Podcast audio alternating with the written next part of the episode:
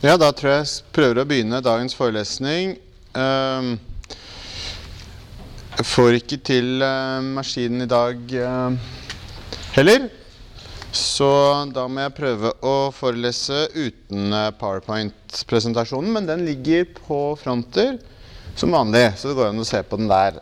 Um, og bruke den som um, notater, f.eks. Uh, men før ehm, jeg begynner å snakke om dagens tema, så tenkte jeg å bare si to ord om lesing og pensum videre. Fordi nå har alle hatt eh, flerval flervalgsprøven. Ehm, og jeg har ikke hørt med Ida hvordan det har gått, men jeg regner med at det har gått greit for de aller fleste. Eh, og noe av poenget med pensum var vel å vente med spesielt to av bøkene til etter den, fordi flervalgsprøven handlet jo bare om en del av pensum. Eh, og de bøkene som jeg ba dere vente med, det var boken om uh, Maududi. Og eh, denne boken i Fundamentalism, altså den serien, eh, hvor, man, hvor vi har to, de to siste delene. Eh, og eh, nå som flervalgsprøven er ferdig, så tenker jeg at det er lurt å begynne å lese ordentlig på spesielt boken om Mavdodi. Fordi den er um, litt vanskelig. Uh, så kan man godt uh, vente enda litt mer for så vidt med den andre boken, da. Er det noen spørsmål om uh, sånne ting eh, før jeg begynner? Nei, jeg kan selvfølgelig ta spørsmål om det etterpå. Eh, det jeg skal snakke om i dag, det er jo eh, vitenskap og fundamentalisme. Og det er fryktelig viktig fordi eh, den perioden som vi snakker om, fra midten av 1800-tallet, som jeg har som satt som vår periode for dette emnet, den er jo ikke minst kjennetegnet av revolusjoner i menneskers verdensbilde forårsaket av vitenskap. Om man kaller det vitenskapelig framskritt, eller eh, hva man kaller det, så er det i hvert fall helt sikkert at det skjedde veldig mye i vitenskapen på, fra midten av 1800-tallet. Og det hadde enormt mye å si for alle mennesker, og det hadde veldig mye å si for moderne religion i alle deler av verden. Og eh, for å forstå betydningen av det, så syns jeg det er naturlig å gå tilbake til 1700-tallets eh, Europa og se på hvordan eh, en del eh, nyvinninger, eh, ny tenkning innenfor spesielt geologien, hvordan det endret menneskers syn på tid og på jordas alder. Eh, det kom en del eh, nye bøker, helt eh, ganske revolusjonerende tanker på, i, på 1700-tallet, som hevdet at jorda var veldig mye eldre enn eh, en det man kunne lese seg til fra Bibelen. Og man fikk denne, dette begrepet dyp tid, eller deep time, som også omtales selvfølgelig i pensum, hvor mennesker da ganske, i løpet av ganske kort tid ble bedt om å, om å tro, forestille seg, at jorda da var veldig mye eldre enn en, en man hadde trodd før. Og den utviklingen, den, den, var veldig viktig, og den ligger også bak det som skjedde på begynnelsen av 1800-tallet, hvor man spesielt for vårt vedkommende får eh, britiske forskere innenfor geologi eh, som videreutvikler dette her og skyver jordas alder enda lenger tilbake. Og Spesielt så må nevnes da Charles Lyells store verk 'The Principles of Geology', som kom på tidlig 1830-tall. 1830-33 først.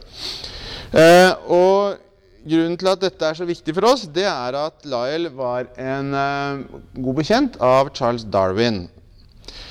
Uh, Darwin leste bøkene til Lyell uh, og sier jo selv at det synet på tid, synet på jordas alder som fins i, i denne nye geologien, det er en forutsetning for denne nye biologien, nye syn på liv, som eh, Darwin eh, presenterer i sitt revolusjonerende verk 'Artenes opprinnelse',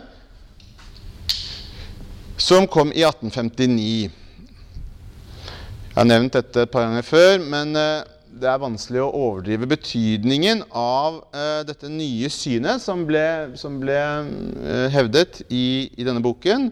Synet på altså at liv utvikler seg over ekstremt lange tidsperioder gjennom eh, eh, naturlig utvalg, små variasjoner, naturlig utvalg av disse små variasjonene, og eh, endring da av arter, utvikling av arter gjennom dette. Så det var jo i, i rak motsetning til det de alle, eller det alle hadde trodd før, hvor man tenkte seg at arter var konstante. Arter var konstante størrelser som eksisterte evig i naturen og ikke endret seg. Og Darwins idé var jo veldig vanskelig å svelge også for egen samtid. Eh, og eh, sommeren, sommeren etter at Darwin utga sin bok, altså sommeren 1860, så, eh, så hadde man jo en av de mest berømte debattene i vitenskapshistorien. I i det nybygde, eller, ja, i, i det nybygde universitetsmuseet i Oxford. Eh, mellom eh, mellom eh, Thomas Henry Huxley, som var en eh, nær bekjent og en forsvarer av Darwin, og Samuel Wilberforce, som var eh, eh, biskop. Eh, og som selvfølgelig, eller som, som i hvert fall var veldig sterkt imot dette synet som ble hevdet av Huxley. da.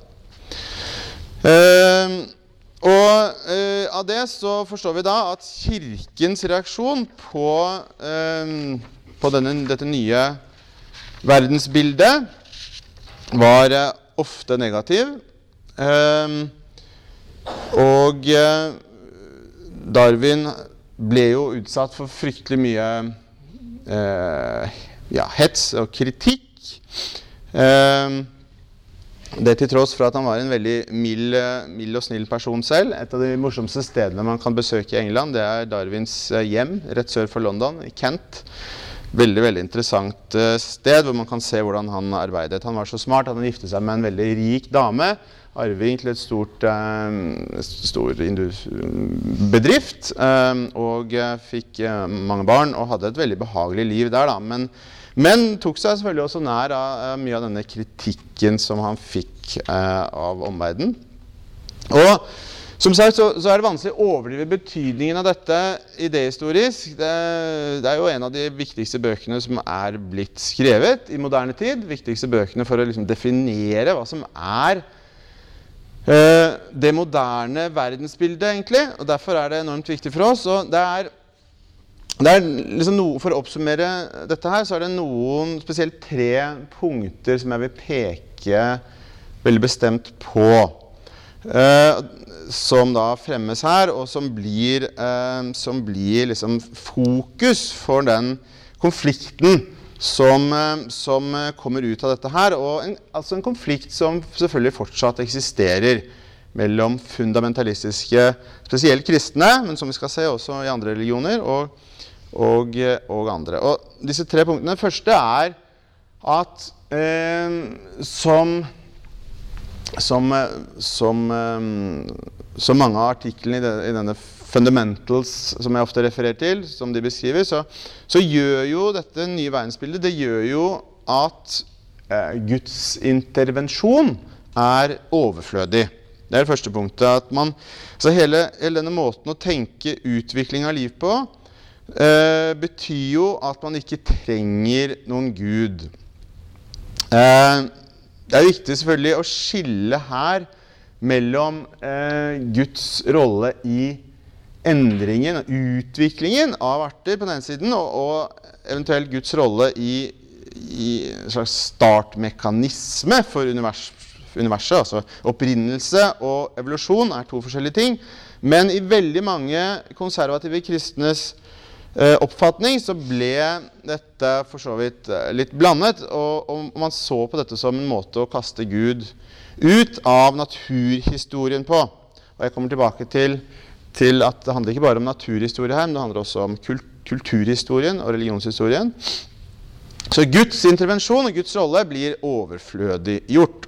Det andre punktet er eh, at eh, menneskets spesielle plass i, i eh, skaperverket utfordres veldig eksplisitt. Og det er jo mye av kjernen i denne debatten som pågikk eh, rundt Darwin. Altså mye av kjernen i debatten eh, den konkrete debatten i, i 1860, juni 1860, som jeg nevnte i stad, hvor nettopp eh, Huxley og Wilberforce kranglet eh, så fillene føyk eh, eh om, eh, om, menneskets forhold til apene. Da. Eh, det var typisk altså, at, at, man skulle ha aper til besteforeldre eller tippoldeforeldre, var liksom noe av klisjeen som de religiøse, eller konservative religiøse Uh, slang ut mot Darwins forsvarere.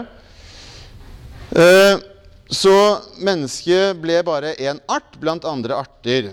Eh, og dette har selvfølgelig stor betydning for hvordan man skal lese uh, skapelsesberetningen i, i Bibelen osv. Så, videre. så det er det andre punktet. Det tredje har jeg allerede nevnt, nemlig det nye historiesynet. Dette helt, helt usannsynlige fra datidens perspektiv uh, i at jorda var uendelig mye eldre enn det man hadde tenkt. Altså geologisk tid, eller dyp tid, som man snakker om. Så disse tre, disse tre endringene eh, oppsummerer kanskje eh, det jeg vil kalle et helt nytt verdensbilde, eh, som hadde enorm betydning.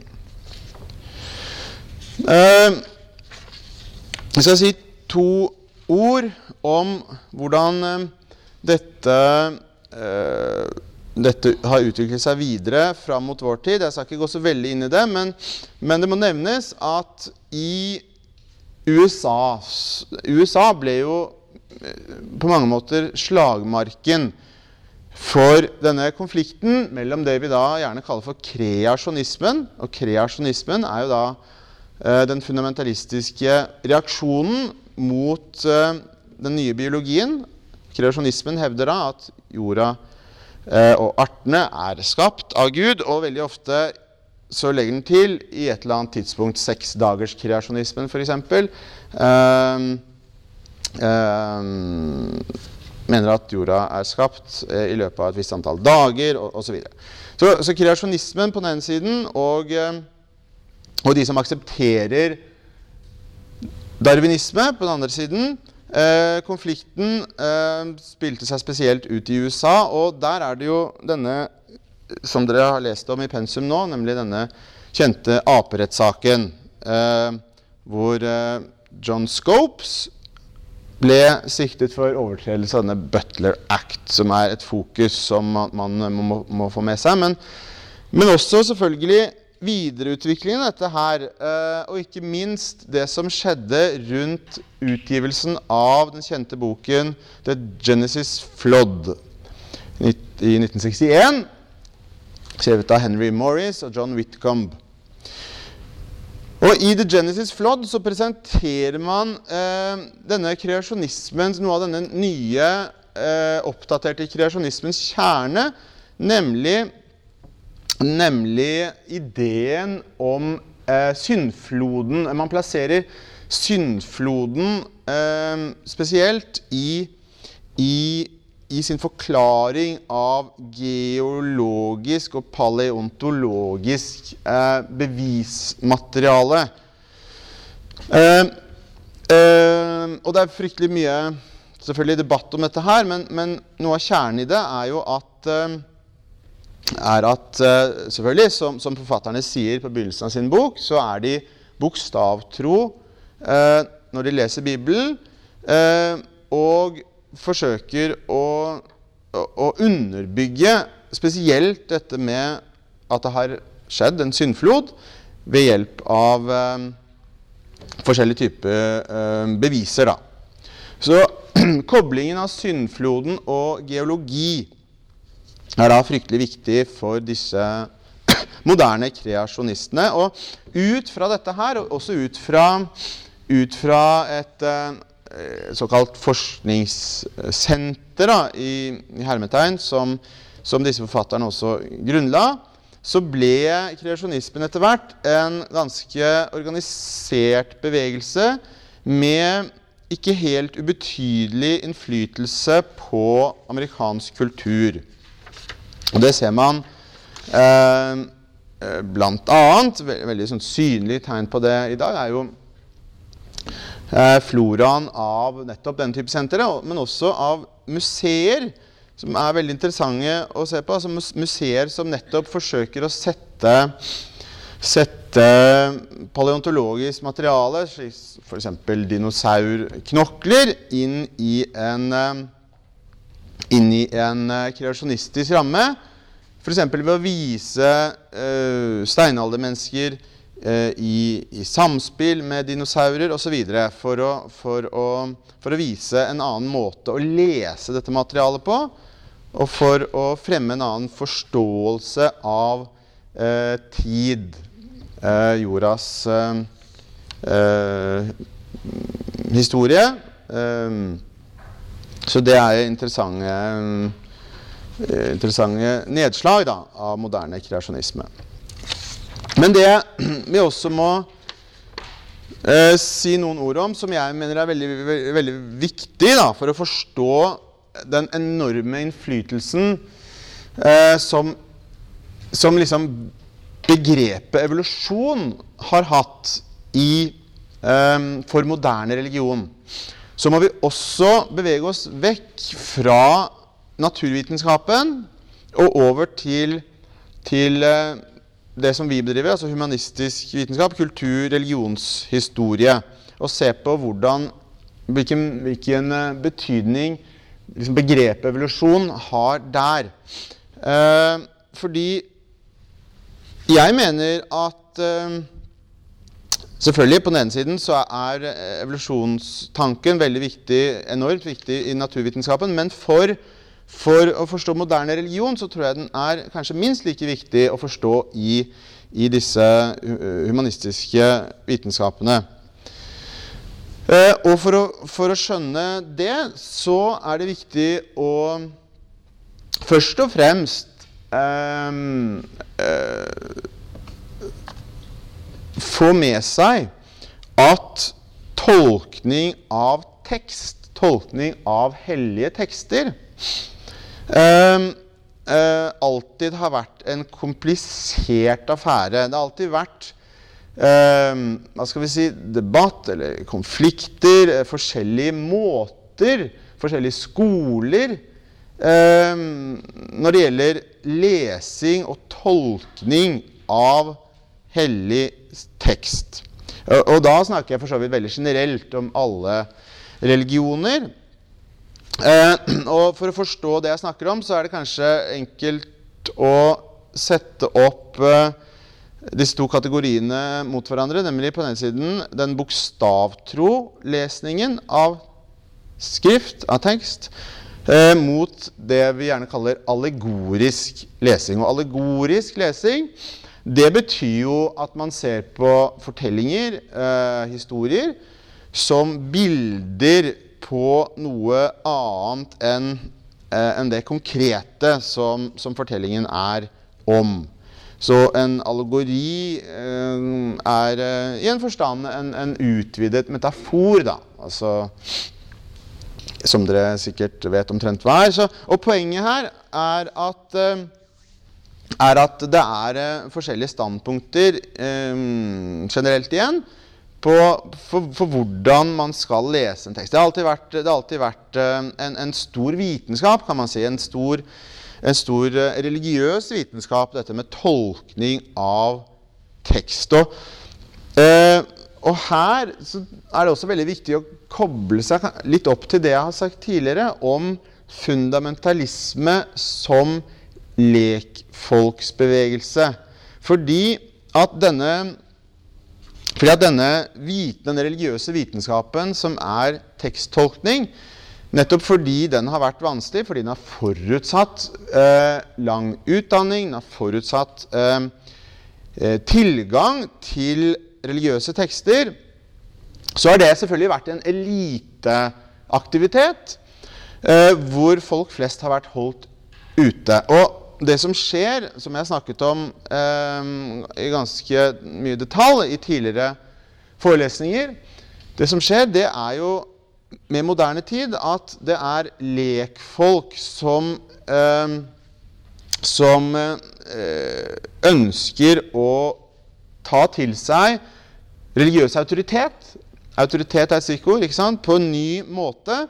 Eh, og eh, noe av det som går tapt i en forstand, det er jo eh, nettopp dette med det avanserte og subtile når det gjelder tolkning av tekst. Så ut av Bl.a. ut av denne fordreiningen, eller ny, nye tildanningen, kan man, kan man, nesten si, av religiøs autoritet, så kommer det en mye snevrere måte å lese tekst på. da. Det er noe av poenget så kommer det, så kommer det, det vi gjerne kaller for bokstavtro, tolkninger av teksten, som avviser eh, all mulig allegorisk tolkning, og som avviser altså andre måter å lese tekst på. Så poenget er, eh, liksom det første poenget er altså at bokstavtro tolkninger som er ekskluderende, som, er, eh, som sier at, all, eh, at, at som på en måte hevder at det å lese Bibelen er en enkel affære som hvem som helst kan gjøre, det er jo veldig moderne, eh, et veldig moderne standpunkt. Eh, det er liksom noe av det første poenget som vi må ha i bakhodet da, når vi skal forsøke å forstå eh, evolusjonsbegrepets eh, betydning for moderne religion. Og så må man i tillegg rett og slett se, som, som, som dere har forstått av pensum òg, så må man også se rett og slett på utviklingen av moderne filologi og moderne humanistiske vitenskaper. Fordi at fra renessansen spesielt, da eh, europeiske forskere, kan man kalle dem, eh, gjenoppdager, eller i hvert fall eh, begynner å, å, se nytt på klassiske eh, tekster. Fra den tiden så, så, utvikler det seg jo nye måter å lese tekst på. Eh, og man kan følge man kan følge den utviklingen som sagt, fra renessansen og gjennom moderne europeisk historie og se hvordan den får nedslag i universiteter i de ledende europeiske landene, og hvordan dette fører fram eh, til de moderne filologiske, historisk kritiske disiplinene sånn som vi kjenner dem, f.eks. religionshistorie. Eh, og, og, noe av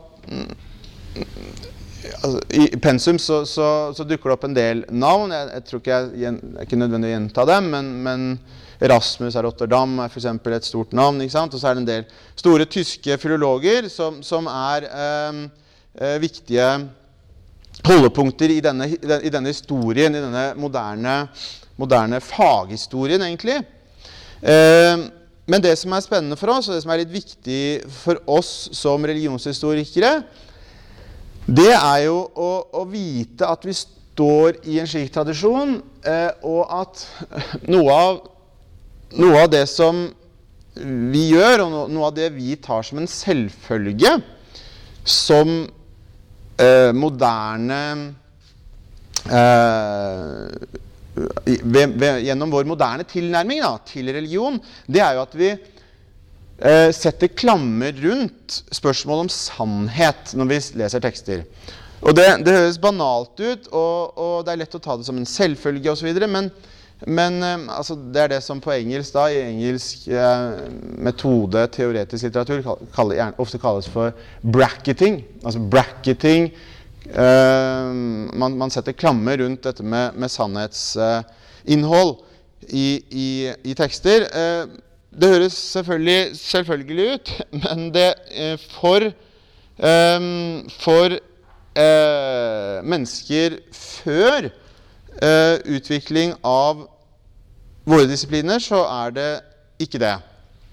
Så det er litt viktig å ha det i, hodet, i bakhodet at, at, man er, når man jobber med denne type fag på universitetet, så står man i denne tradisjonen. Og, og det er jo også grunnen, noe av grunnen til at det er en grunnleggende konflikt ofte mellom moderne, historisk, kritisk tilnærming til religion og en fundamentalistisk tilnærming til religion. Fordi at når vi som religionshistorikere setter nettopp klammer rundt dette sannhetsspørsmålet, så relativiserer vi vår kildekritikk, vår historisk-kritiske metode, relativiserer sannhet på en måte som er eh, høyst problematisk for eh, et fundamentalistisk syn på tekst.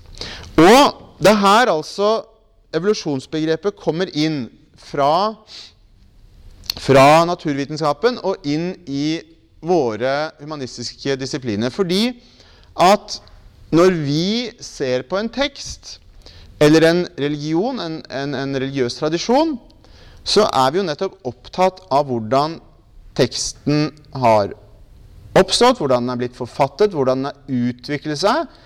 Og som regel når vi er tekstforskere, så river vi jo en tekst fra hverandre og sier at disse sidene må være skrevet av en annen forfatter enn disse sidene, for det ser vi på øh, hvis man ser på ordforråd, grammatikk osv. Man plukker teksten fra hverandre og, øh, og, og ser på dens evolusjon, dens utvikling. Og ikke bare det, men så må vi også legge til at eh at det er altså, altså, Grunnleggerne av religionshistorien og mange andre disipliner de ønsket jo å se på religioner, ikke bare tekster, men hele religioner, mytologier, som resultater av evolusjon. Og hvis jeg hadde hatt eh, PowerPoint, så hadde jeg eh, fått opp et sitat eh, av en en, viktig person. Eh, og så hadde jeg bedt dere gjette hvem som hadde sagt det.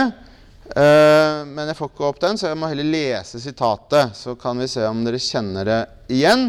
Hvis dere har tatt REL 1001, så bør dere kjenne det igjen.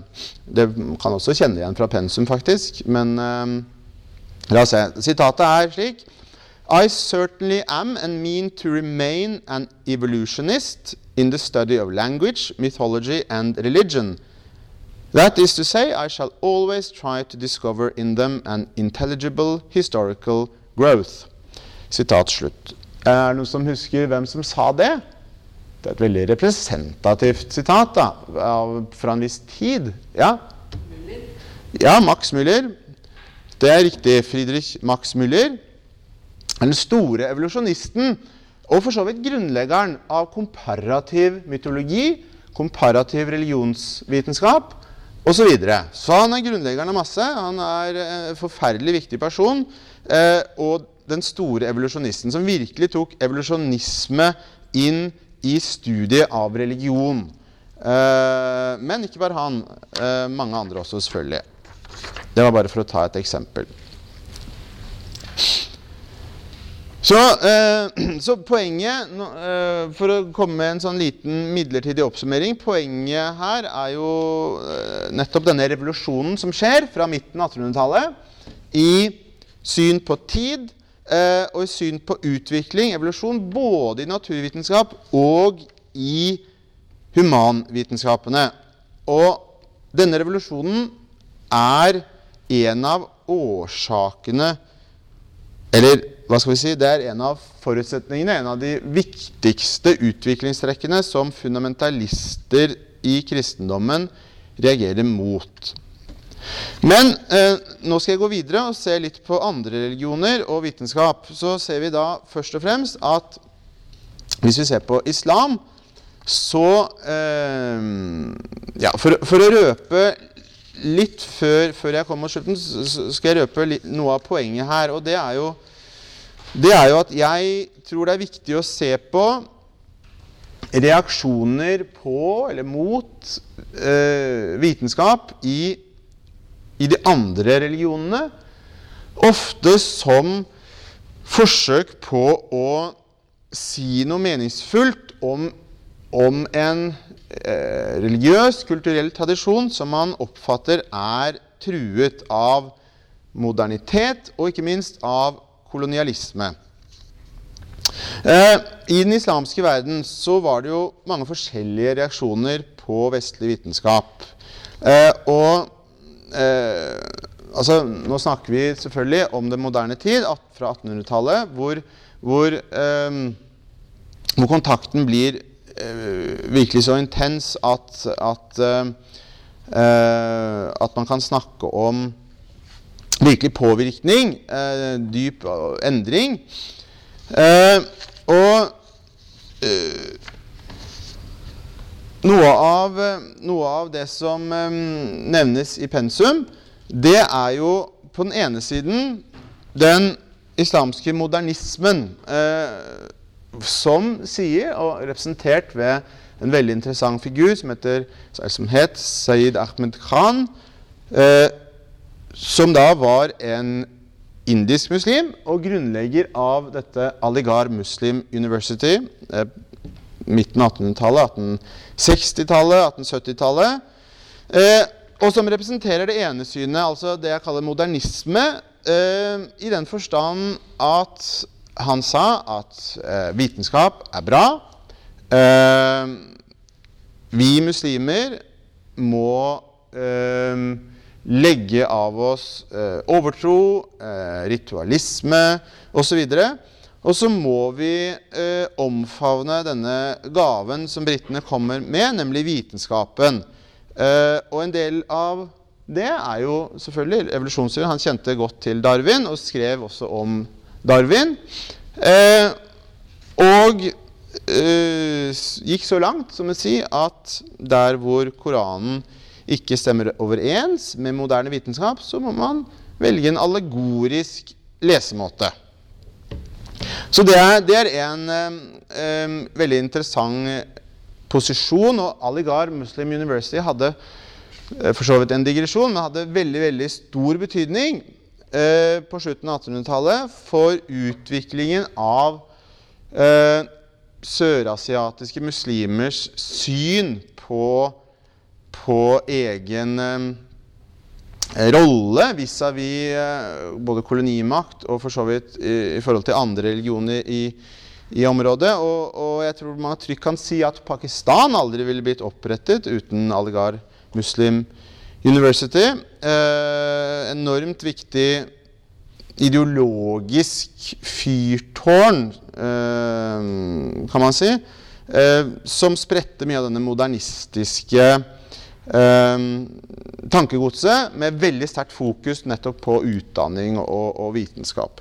Det motsatte syn, eller i hvert fall et uh, alternativt syn, kom fra en av periodens aller mest kjente uh, intellektuelle, nemlig Al-Afghani, som uh, var en veldig sterk kritiker av denne modernistiske tanken som jeg nettopp har beskrevet. Og, og også, som, som gjengis i, i, pensum, skrev, skrev ganske mye om hva som var problemet med evolusjonsteori. Eh, hvorfor den var feil. Eh, og helt åpenbart også går inn i denne eh, måten å, å, å, Eller hva skal vi si, denne narrativen, kan man nesten kalle det. Hvor man hvor man ser på egen tradisjon og prøver å forklare hvorfor dette moderne egentlig ikke bare er overflødig, men faktisk også er eh, inkorporert, en del av egen tradisjon. Eh, så det er eh, en, en, helt motsatt eh, reaksjon. Så det er flere forskjellige motsatte reaksjoner selvfølgelig i den islamske verden. Men for vårt vedkommende så er jo de aller mest spennende det er jo eh, de som dere bl.a. kan lese om eh, i forbindelse med Maududi.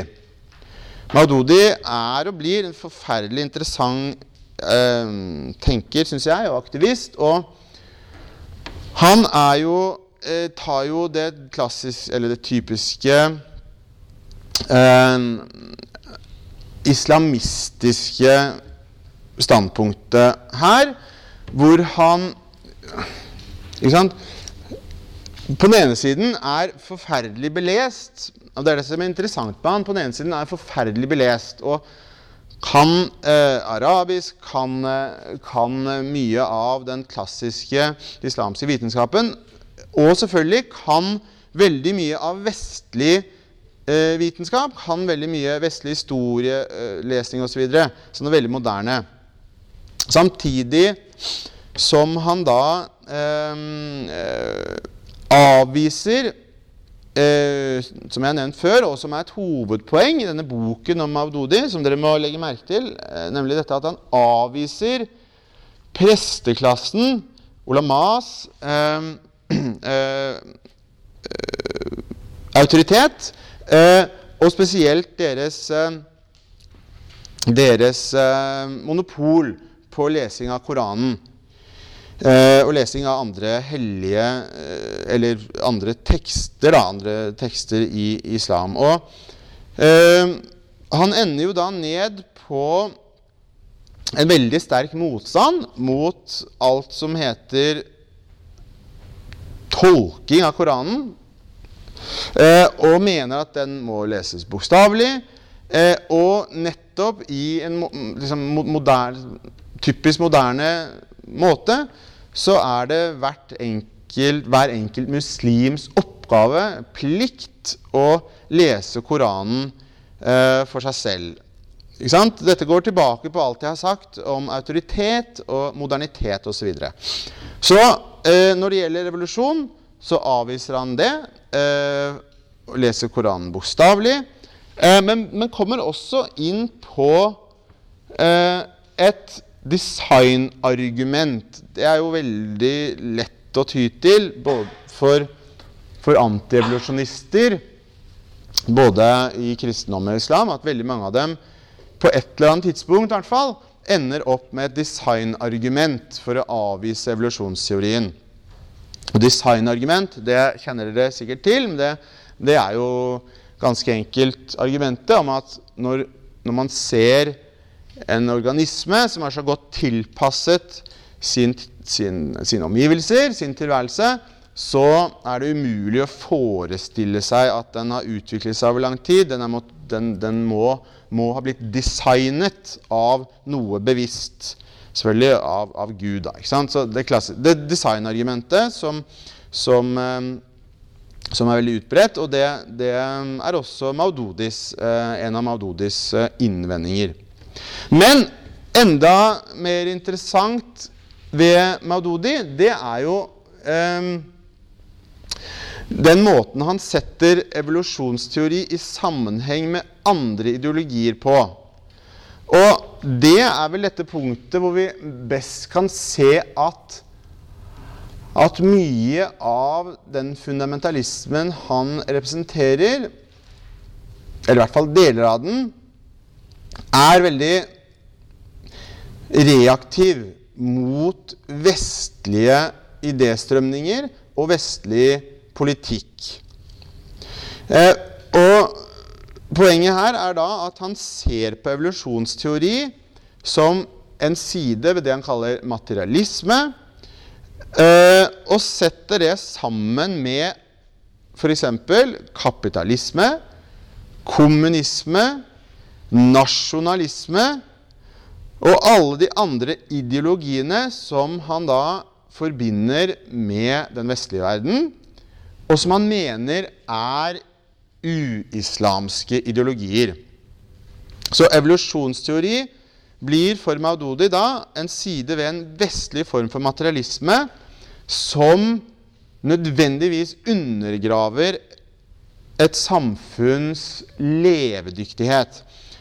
Og han bruker en god del plass på å forklare hvordan tidligere sivilisasjoner eh, har blitt svek, er blitt svekket og har gått under av å ved, ved å omfavne eh, feil type ideologier, som materialisme.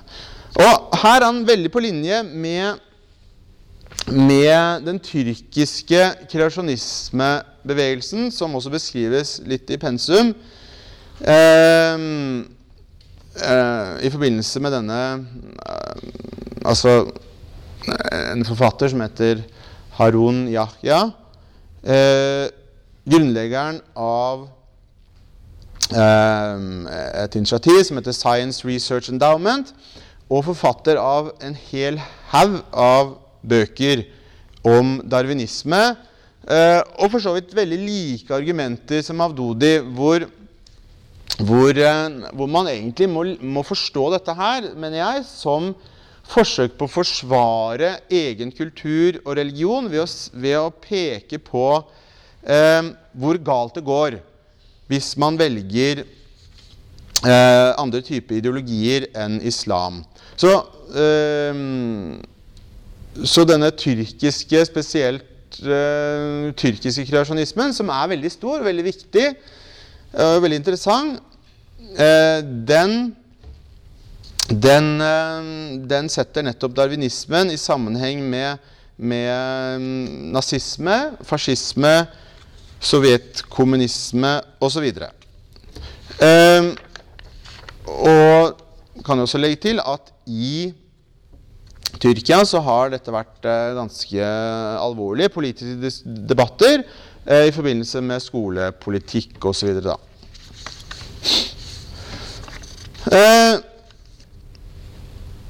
må gå litt videre og se på hinduismen. Fordi eh, igjen så er det veldig sånn tydelige, tydelige tendenser i samme tid, midten av 1800-tallet uh, og framover. Uh, tydelig tegn på at vitenskap får en veldig spesiell status. en veldig Eh, for så vidt en tvetydig status, eh, men blir veldig viktig i hvordan hindu-ledere tenker på sin egen tradisjon og dens, eh, dens forhold til, til, Vesten og til for så vidt kolonialisme. Og en en forfatter som, eh, som jeg syns det er verdt å trekke fram der, det er denne Swami Vivekananda, som jeg har nevnt så vidt før. Og hans syn på vitenskap. Eh, interessant å lese fordi, fordi, han ofte snakker om Darwin, skriver om Darwin på slutten av 1800-tallet.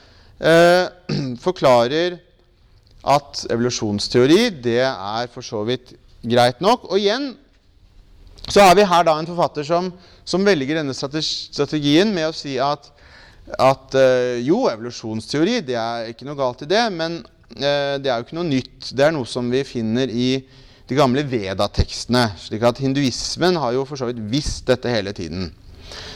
Samtidig så, så, gjør han noe som uh, er også veldig typisk for denne tiden, nemlig å sette hele debatten inn i en større debatt om forholdet mellom vest og øst, eller mellom det vestlige og det østlige.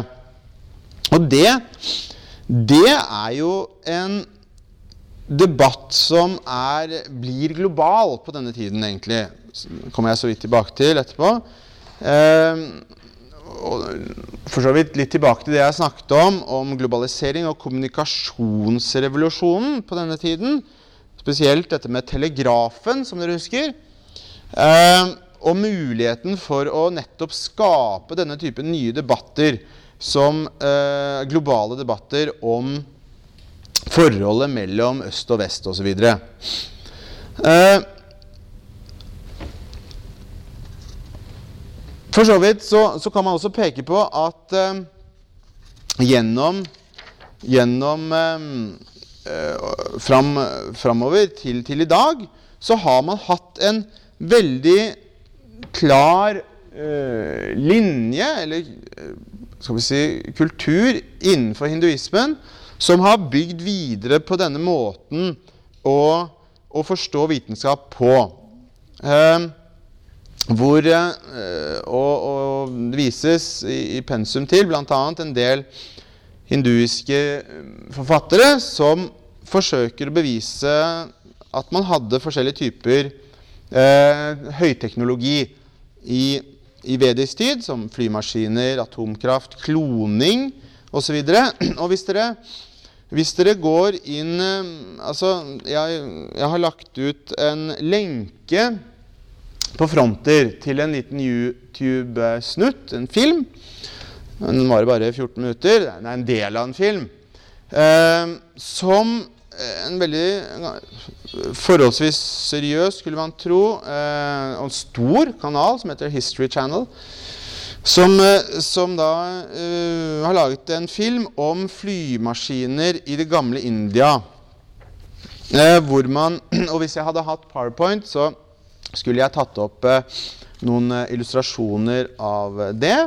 Hvordan man tenker seg at slike flymaskiner kan ha sett ut for 3000 år siden. Men poenget, det som er viktig med det, det er å forstå eh, hvordan dette brukes av hindufundamentalister i moderne tid. Den filmsuten, hvis dere har tid og lyst til å se på den, så så ber jeg dere da spesielt legge merke til eh, intervju med, eller flere intervjuer med en fyr som heter Michael Cremo, eh, som da fremstilles som en, eh, en autoritet på, på, det gamle India. Eh, men som selvfølgelig i realiteten er en hindufundamentalist, eh, egentlig amerikanskfødt hindufundamentalist, eh, medlem av Krishna Consciousness. Eh, bevegelsen. Eh, og for så vidt ganske typisk, syns jeg, for, for, denne måten å, eh, å, snakke om vedisk vitenskap på.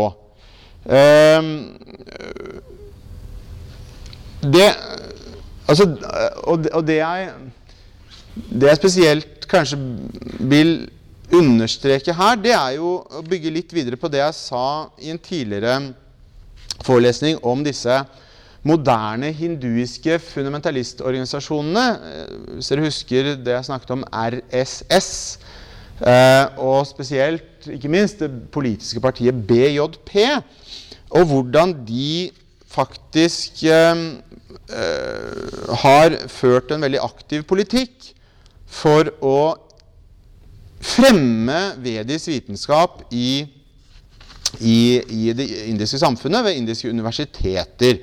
Ved å innføre eh, hinduisk astrologi, hinduisk medisin osv. Uh, eh, jeg kommer til å snakke mer om dette i neste forelesning òg, fordi det har vært en del uh, ganske alvorlige konflikter både i India, men også faktisk i USA. Veldig interessante konflikter om hvordan man skal framstille indisk vitenskap i skolebøker. Uh, og, og, det har vært ganske alvorlige uh, ting som, som, har skjedd i de konfliktene. kommer vi tilbake til senere. Uh, jeg, siste jeg skal gjøre i denne forelesningen, det er å snakke litt om buddhismen før jeg oppsummerer.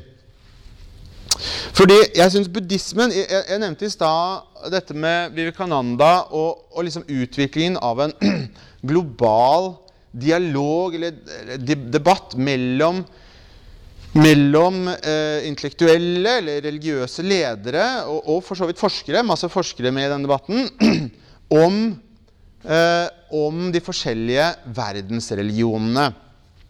Og det, det, snakket jeg også en god del om i for noen forelesninger siden når vi snakket om globalisering. Eh, og hvordan selve ideen om verdensreligioner eh, ble utmeislet eh, på denne tiden. og det, hinduismen som jeg nevnte i sted, er et veldig godt eksempel, men jeg tror det aller beste eksempelet er buddhismen. Eh, fordi i, i, på denne tiden, altså fra 1850 og framover, så er det veldig interessant å, å se hvordan buddhismen utvikler seg.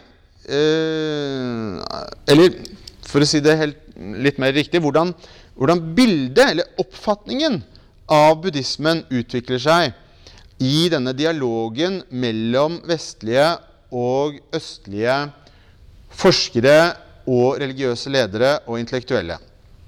Og det som skjer, eh, og det er det for skrevet flere morsomme bøker om eh, av, av moderne forskere Det som skjer, det er at man man utvikler et bilde, eller en slags jeg vil si et idealbilde av buddhismen som en vitenskapelig religion. Eh, og det er en veldig, er en veldig aktiv konstruksjon da, som foregår i, i, denne, i denne, globale dialogen. Eh, ofte så, så, snakker man om viktoriansk buddhisme. For som dere husker, så så er dette viktoriatiden. ikke sant? Hele andre halvdel av, av 1800-tallet er, er, det vi kaller viktoriatiden. Og den viktorianske buddhismen, eller idealbildet av den viktorianske buddhismen, det oppsummerer veldig mye av det som jeg eh, syns er interessant med, med, vitenskapens posisjon i moderne eh, religiøs tenkning. Den viktorianske buddhismen, slik den ble konstruert, da, eh, den var selvfølgelig rasjonalistisk, den var ateistisk, den var, den var imot ritualer, eh, den var humanistisk osv. Den var dypt vitenskapelig. Og hvorfor skjedde dette her? Hvorfor lagde man denne, denne ønskedrømmen av buddhismen? Eh, en, en, av forklaringene er selvfølgelig, som vi begynte forelesningen med, at kristendommen var blitt veldig kraftig utfordret av moderne vitenskap og moderne ideologier generelt. Liberalisme, eh, modernisme. Kristendommen var utfordret. Og ved, hvis man ser på både europeiske og amerikanske universiteter, så ser man at veldig mange mennesker Kanskje ikke generelt, men, men, blant elitene så var det mange mennesker som var kritiske til kristendommen. Eh, og eh, lette egentlig etter alternativer til kristendommen. Eh, avviste teisme, avviste selvfølgelig mange av dogmene til kristendommen og så seg om på en helt ny måte etter et alternativ. Og, og det var liksom i, på denne globale liksom, Hva skal vi si Litt satt på spissen, da, men liksom nærmest globaling, shopping, globalt shoppingsenter av verdensreligioner som oppsto på denne tiden så ble det da veldig trendy å plukke buddhismen som, som, det fremste alternativet for å lage en vitenskapelig religion. Eh, og den prosessen kan man følge veldig eh, tydelig, og det er blitt gjort. Eh, eh og et, et, viktig nedslagspunkt her, det var jo Um, dette store verdensparlamentet som fant sted i Chicago i 1893, hvor mange av disse religiøse lederne nettopp møtte um, bl.a. Uh, selvfølgelig ledere fra andre tradisjoner, men også forskere, amerikanske og europeiske forskere, og hadde samtaler bl.a. om dette. Uh, en av de som var der, var var eh, en buddhistisk leder som jeg ofte kommer tilbake til på dette emnet, nemlig Anagarika Dharmapala. Som, eh, som selvfølgelig framstilte eh, buddhismen eh, mer eller mindre slik som hans vestlige tilhørere ønsket å få den framstilt, nemlig som en vitenskapelig religion. Eh, og da er det visse punkter punkter da, som han trekker fram for å, for å gjøre dette. Og, eh, bare for å gi to korte eksempler. Han trekker fram dette buddhistiske begrepet pratitya samutpada, som betyr denne, som er navnet på denne kausalkjeden.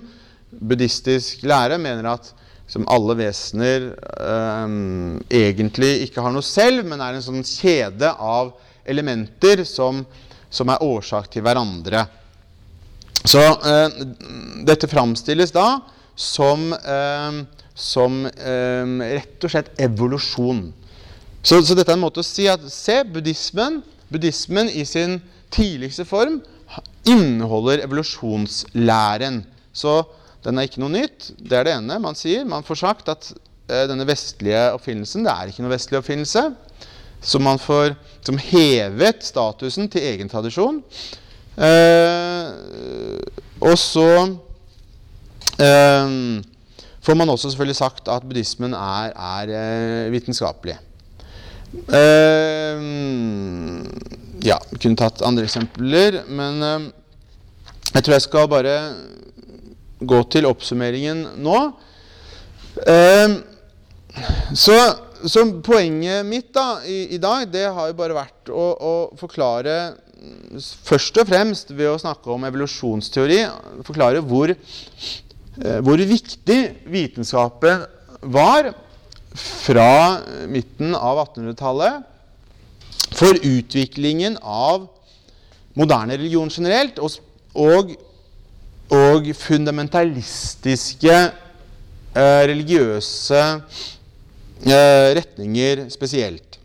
Og eh, i, Jeg begynte med kristendommen, og i kristendommen så jeg, jeg, tror Bare for å ha sagt det, så tror jeg det er viktig og når vi, Spesielt når vi snakker om evolusjonsteori, så er det viktig å, å se at det er visse forskjeller på kristendom på den ene siden og disse andre religiøse tradisjonene som jeg snakket om, på den andre siden.